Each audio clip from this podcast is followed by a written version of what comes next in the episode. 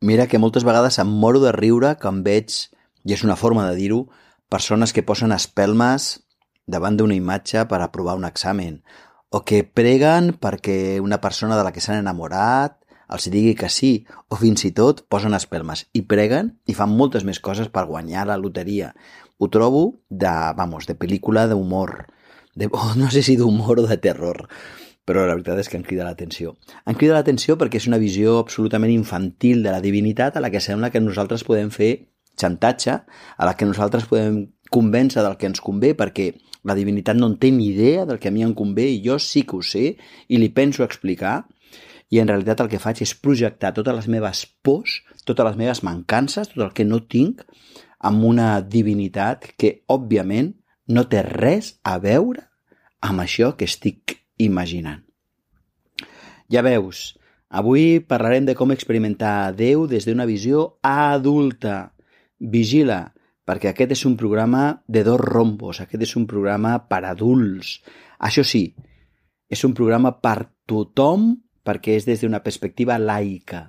Com podem experimentar Déu, com podem experimentar lo superior, lo absolut, la totalitat, al marge de que siguem cristians, ateus, budistes, agnòstics, jueus o de qualsevol altra religió, filosofia. Un programa per persones amb la ment oberta. Vigila, avui venen curves. Vigila, avui un programa de dos rombos.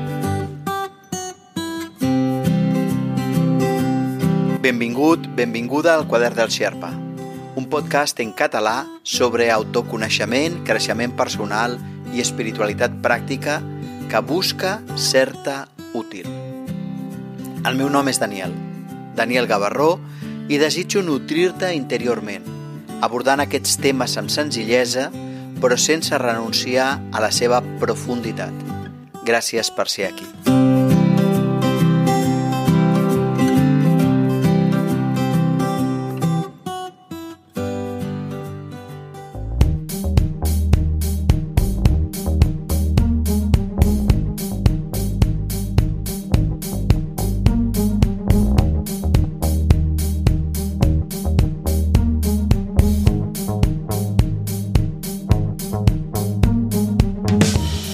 Avui nosaltres parlarem de com experimentar a Déu, de com assolir i mantenir nivells superiors de consciència. És possible? Com fer-ho? Quins obstacles ens podem trobar? És un programa per deixar de tenir fe i donar fe del que vivim. És a dir, un programa per parlar a partir del que experimentem, perquè de res no serveix creure si jo no ho estic vivint, així que avui parlem de com experimentar a Déu. Com he dit abans, un programa, un podcast de dos rombos.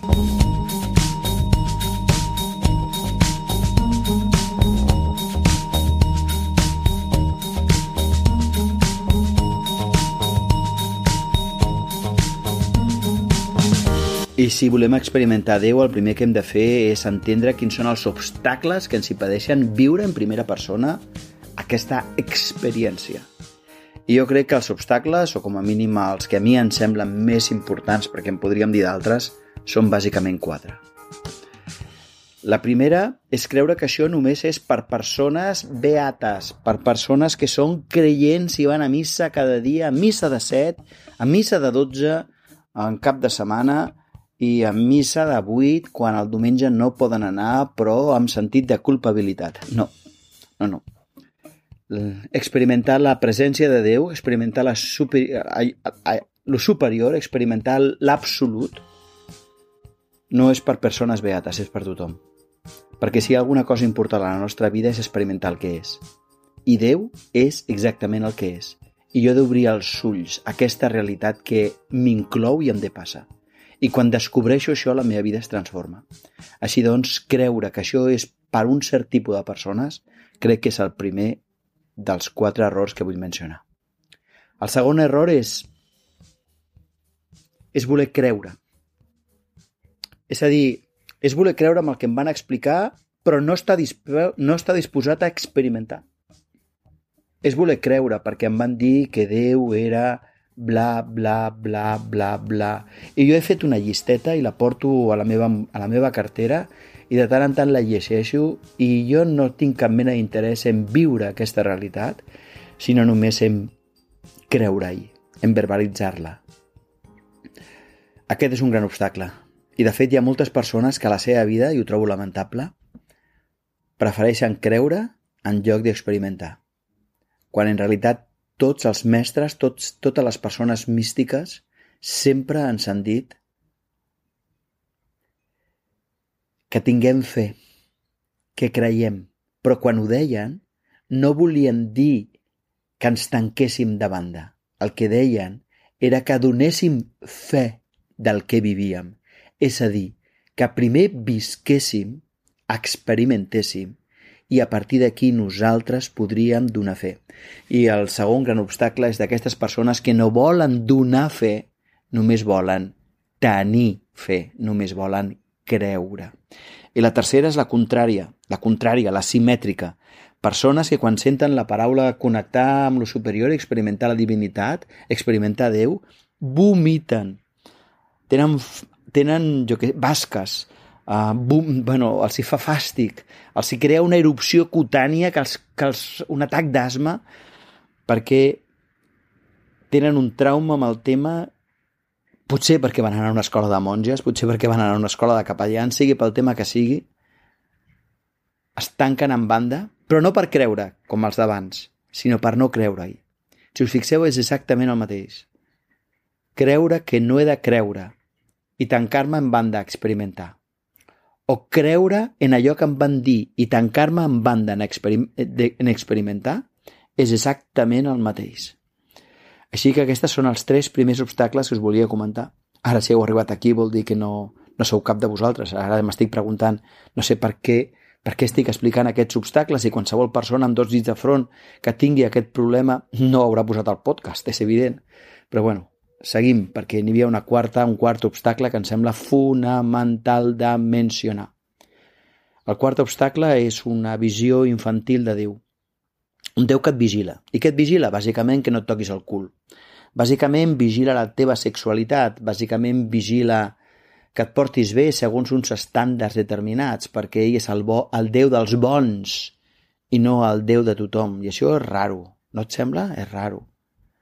O la divinitat és la totalitat, i la totalitat m'estima tal com sóc perquè jo sóc fill o filla de la totalitat, perquè si la totalitat és una veritable totalitat, jo no puc estar al, al marge seu, jo sóc dins d'ella. I si jo sóc dins d'ella, ella no pot mirar-me malament. Així que aquesta idea d'un Déu que et vigila, i sobretot que vigila aviam el que fas a sota els teus calçotets, a sota les teves calces, em sembla una mica, una mica rareta. I entra dintre del que podríem dir la idea d'un déu infantil. De la mateixa manera com la visió d'un déu humanoide, que és un, un déu assegut a sobre d'un núvol, amb una barba blanca i una mena de gorro en forma de triangle, em sembla raret, raret. No, no és possible, no és possible. No és possible. Això és una mera projecció de la nostra visió. Per tant, quan nosaltres vulguem experimentar la divinitat hem de suspendre qualsevol imatge. Hem de suspendre qualsevol imatge per poder veure, per poder percebre, per poder obrir-nos el que és, no el que imaginem, el que és. I una tercera forma de visió de Déu infantil és imaginar-me Déu separat de la realitat. És a dir, per una banda hi ha la realitat i per l'altra banda està Déu. I Déu és una cosa i la realitat és una altra. Perquè això no té cap mena de lògica. La realitat és real i la realitat és la totalitat i lo real és tot, és tot, tot, tot. I si és tot, dins és Déu. No pot haver tota la realitat i un Déu a part, perquè Déu també és real.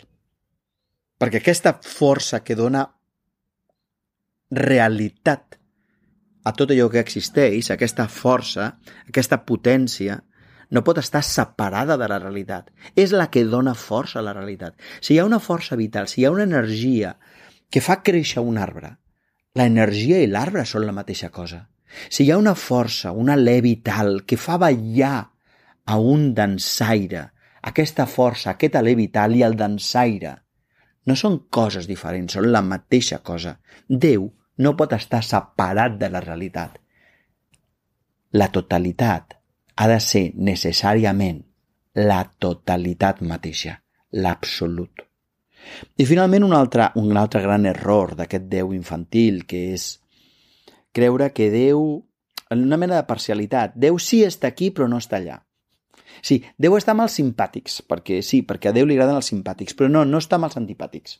I sí, sí, sí, sí, Déu està amb una floreta, una floreta bonica, però quan la floreta es penseix, ja no. No, allí ja no està Déu. Per què? Perquè la floreta és lletja. És a dir, Déu està només a les coses boniquetes i per tant Déu no pot estar amb una caca. No, una caca no, no, no. No, no, no, no, no. Jo, jo veig que és una, una visió absolutament infantil. Déu està en un petó, i Déu està en una flor, i Déu està en un estel. Però Déu, Déu, la força vital, l'univers, l'energia, la potència, allò que dona vida al que és vida, està tot arreu. També està en un huracà. I també està en un volcà. I també està... I és difícil d'entendre. En una bomba atòmica que cau sobre una ciutat que es diu Hiroshima i que es diu Nagasaki. Perquè Déu està sempre. I voler entendre i voler experimentar aquesta presència que sempre està, eliminant els obstacles que ens ho impedeixen, superant aquestes visions infantils, és el primer pas per assolir i mantenir nivells superiors de consciència. Però aquest és només un primer pas. Després n'hi ha d'altres. D'altres que, si vols, els explico ara. No et perdis cap episodi. Subscriu-te al meu podcast a danielgavarró.cat i rebràs un avís automàticament cada vegada que pugi un nou àudio.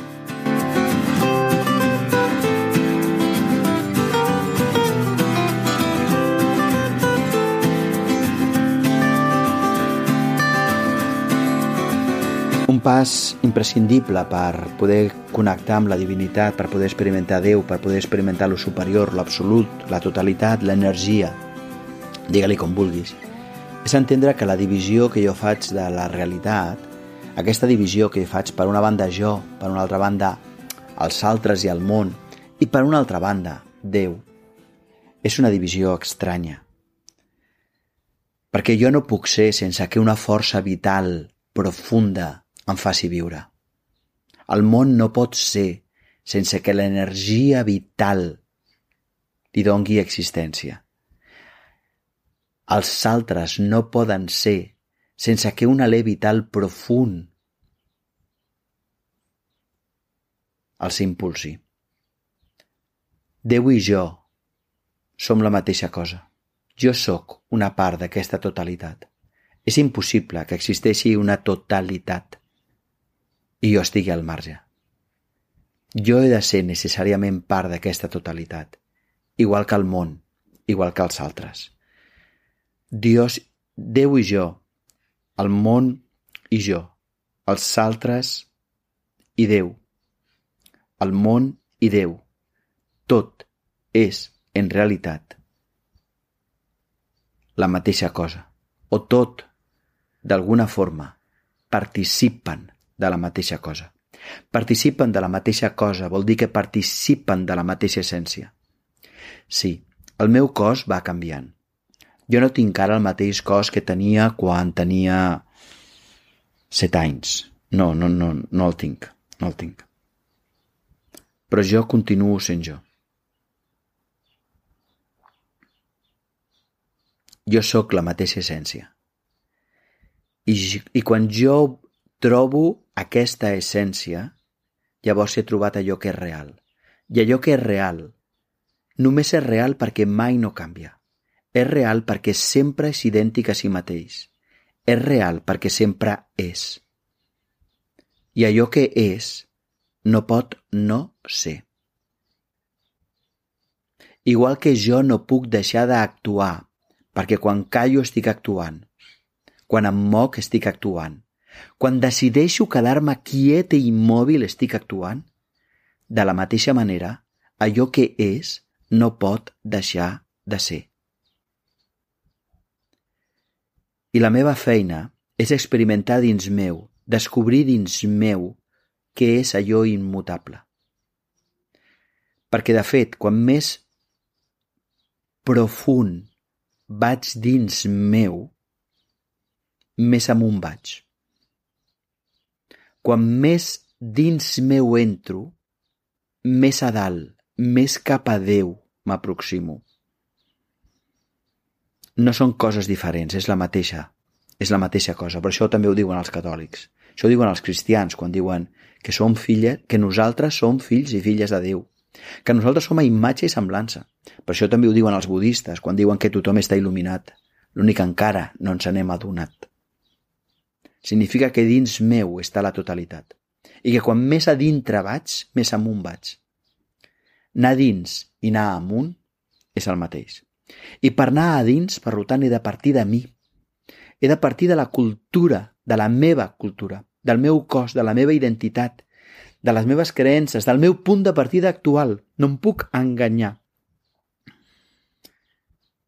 Si jo sóc part de Déu, si jo sóc part de la totalitat, si jo sóc part de lo absolut, perquè lo absolut, la totalitat, és l'única cosa que existeix, i no hi ha res fora de la realitat, i jo sóc part de la realitat, i per tant sóc una peça d'aquest conjunt, la meva feina és estimar el que sóc. I estimant el que sóc, estimant la meva cultura, i estimant la forma com la meva identitat s'ha constituït, puc intentar aprofundir per arribar a descobrir la meva essència, allò que sempre és, allò que sempre és, allò que és real, perquè allò que és no pot deixar de ser. I quan la meva atenció se situa aquí, començo a experimentar Déu. Començo a experimentar l'absolut. Començo a experimentar la totalitat.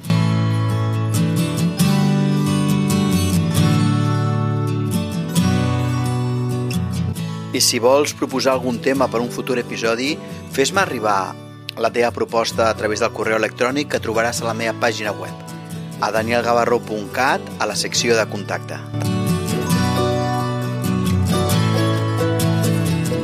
I quan començo a experimentar la totalitat, de cop i volta me'n vaig adonant que no era jo que buscava, no era jo qui buscava Déu, no era jo qui buscava la totalitat, no era jo qui buscava l'essència, l'energia. Era Déu que em cridava. Era lo superior que em cridava. Era lo absolut que em cridava. L'absolut vol ser. La realitat vol ser. Per això dins meu sento una crida a ser realment autèntic, a ser realment jo. No sóc jo qui crida a Déu, és Déu que em crida a mi. I per fer-ho he d'entendre que he de partir de la meva realitat, com deia fa un moment, i parlar, expressar-me, cridar, buscar, és a dir, actuar, actuar activament. Però després d'haver-ho fet, he de parar, escoltar, rebre. Perquè si només cerco i no m'obro a la resposta, quan aquesta es produeixi, no la captaré. Perquè entre el meu parlar i el meu escoltar hi ha entremig un silenci, que el com immens, que el com immanifestat que ho conté tot, que si sóc capaç d'expressar i acollir, percebré perquè si sóc capaç de mobilitzar la meva atenció no cap a l'exterior, no només cap als meus pensaments o posar l'atenció en els meus sentiments o en el que faig, sinó en la pròpia capacitat de fer, en la pròpia capacitat de relacionar-me o estimar, en la pròpia capacitat de comprendre me n'adonaré que dins meu hi ha una intel·ligència que s'expressa, un amor que s'expressa, una força que s'expressa. I jo aniré fins al fons de mi mateix, fins a l'origen d'aquesta intel·ligència, aquest amor i aquesta energia que sóc. I descobriré que sóc aquestes tres coses, però no perquè jo les sigui, sinó perquè elles són i són el meu través. No sóc jo que em dono vida, és la vida que em posseix. No sóc jo qui fa la digestió, és la digestió que es fa dins meu. No sóc jo qui batega el cor, és el cor que batega en aquest cos. No sóc jo qui comprèn, és la comprensió la que es produeix en mi. No sóc jo qui estima, és l'amor que esclata dins meu. No és, no sóc jo qui actua, és la energia vital que s'expressa a través de l'instrument que jo ara faig servir. I no estic parlant de tècniques meditatives, encara que la meditació és una porta d'entrada a la superior. Estic parlant de convertir la vida quotidiana, el nostre dia a dia, en un espai de connexió amb la que és real. Convertir la meva vida quotidiana en un espai de connexió amb la divinitat. I això és entrar en presència de Déu. I això és experimentar lo superior, l'absolut, la divinitat, la totalitat. Adonar-me'n del que és no pot no ser i situar la meva consciència, la meva atenció en acció que és i adonar-me'n que ho soc, que ho soc i no puc no deixar de ser-ho. Precisament de tot això i de com fer-ho i aprofundir-hi i passar un dia sencer el que farem el proper 28 de març. D'aquí uns pocs dies.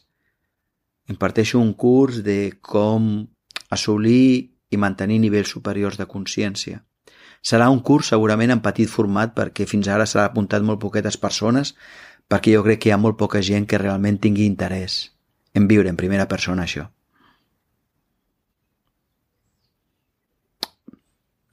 Serà, per tant, un curs en petit format aquest 28 de març. Si t'interessa, jo t'animo a venir. Serà a Madrid, però jo crec que la distància no és obstacle quan l'interès és real i és gran. Per conèixer és molt senzill. Aquest curs simplement vas a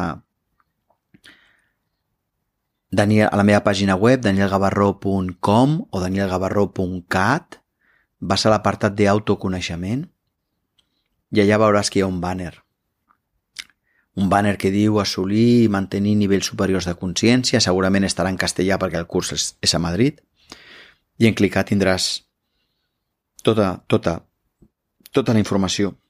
En tot cas, és aquest proper dissabte, 28 de març del 2020, i, i estàs convidat, estàs convidat a venir, ningú és exclòs per motius econòmics, perquè el treball interior és massa important per excloure les persones, així que et convido que si tens interès vagis a la pàgina web danielgavarró.com o danielgavarró.cat, cliquis en autoconeixement i t'inscriguis.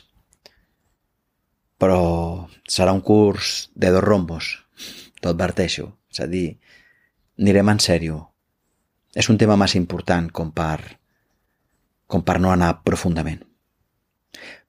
Però si vols seguir aprofundiment, si vols seguir aprofundint, si vols seguir eh, aprofundint aquest tema, permeta que et doni d'aquí un moment un, un recurs, una eina, un consell.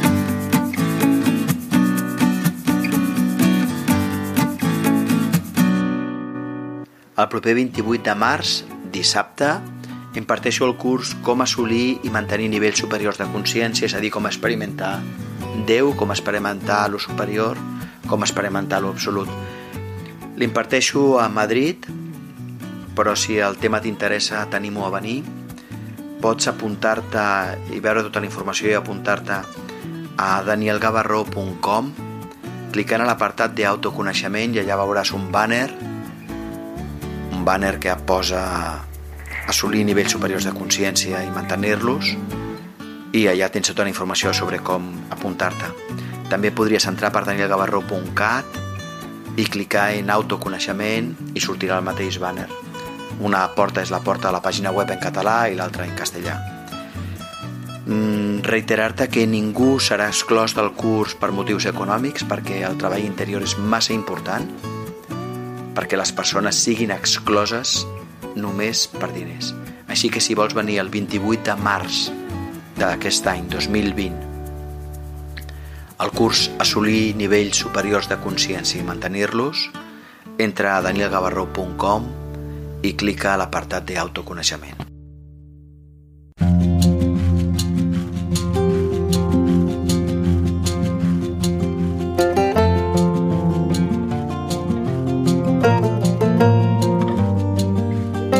Mira, si tens interès en seguir aprofundint en aquesta línia, et recomano que a YouTube, a YouTube, busquis un vídeo, en realitat és un àudio, però l'han passat a vídeo, de l'Antoni Blai. Un àudio de l'Antoni Blai, Blai escrit amb Y, i busquis La presència de Dios. Jo crec que és un àudio, dura uns 30 minuts, és molt útil per entendre en quina direcció em moc quan jo parlo d'experimentar Déu en primera persona i perquè entenguis també en quina direcció anirà aquest curs que faré a Madrid el 28 de març que per cert ja el vaig impartir a Lleida fa uns mesos i fa, fa un any, un any i pico el vaig impartir a Barcelona. I jo crec que durant un parell d'anys o tres no l'impartiré perquè hi ha diferents cursos i la meva agenda no dona per, per fer-los tots cada any. Així que aquest, aquest àudio aquest vídeo de la presència de Déu t'ajudarà a entendre en quina direcció ho faig veuràs que és molt pràctic, molt concret, molt útil.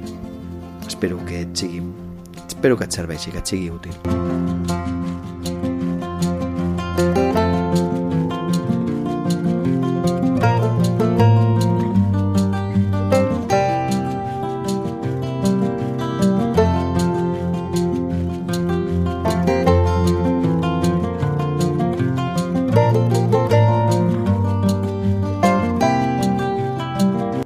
Aquest capítol t'hagi estat útil. T'envio una forta abraçada i et desitjo el millor. I recorda, aprofita tot el que passi per descobrir-te. Si vols, ens veiem dintre d'una setmana. Ah, i saps que pots seguir-me a danielgavarró.cat i també a facebook.com barra gavarrodaniel i a youtube youtube.com barra Daniel Gavarró.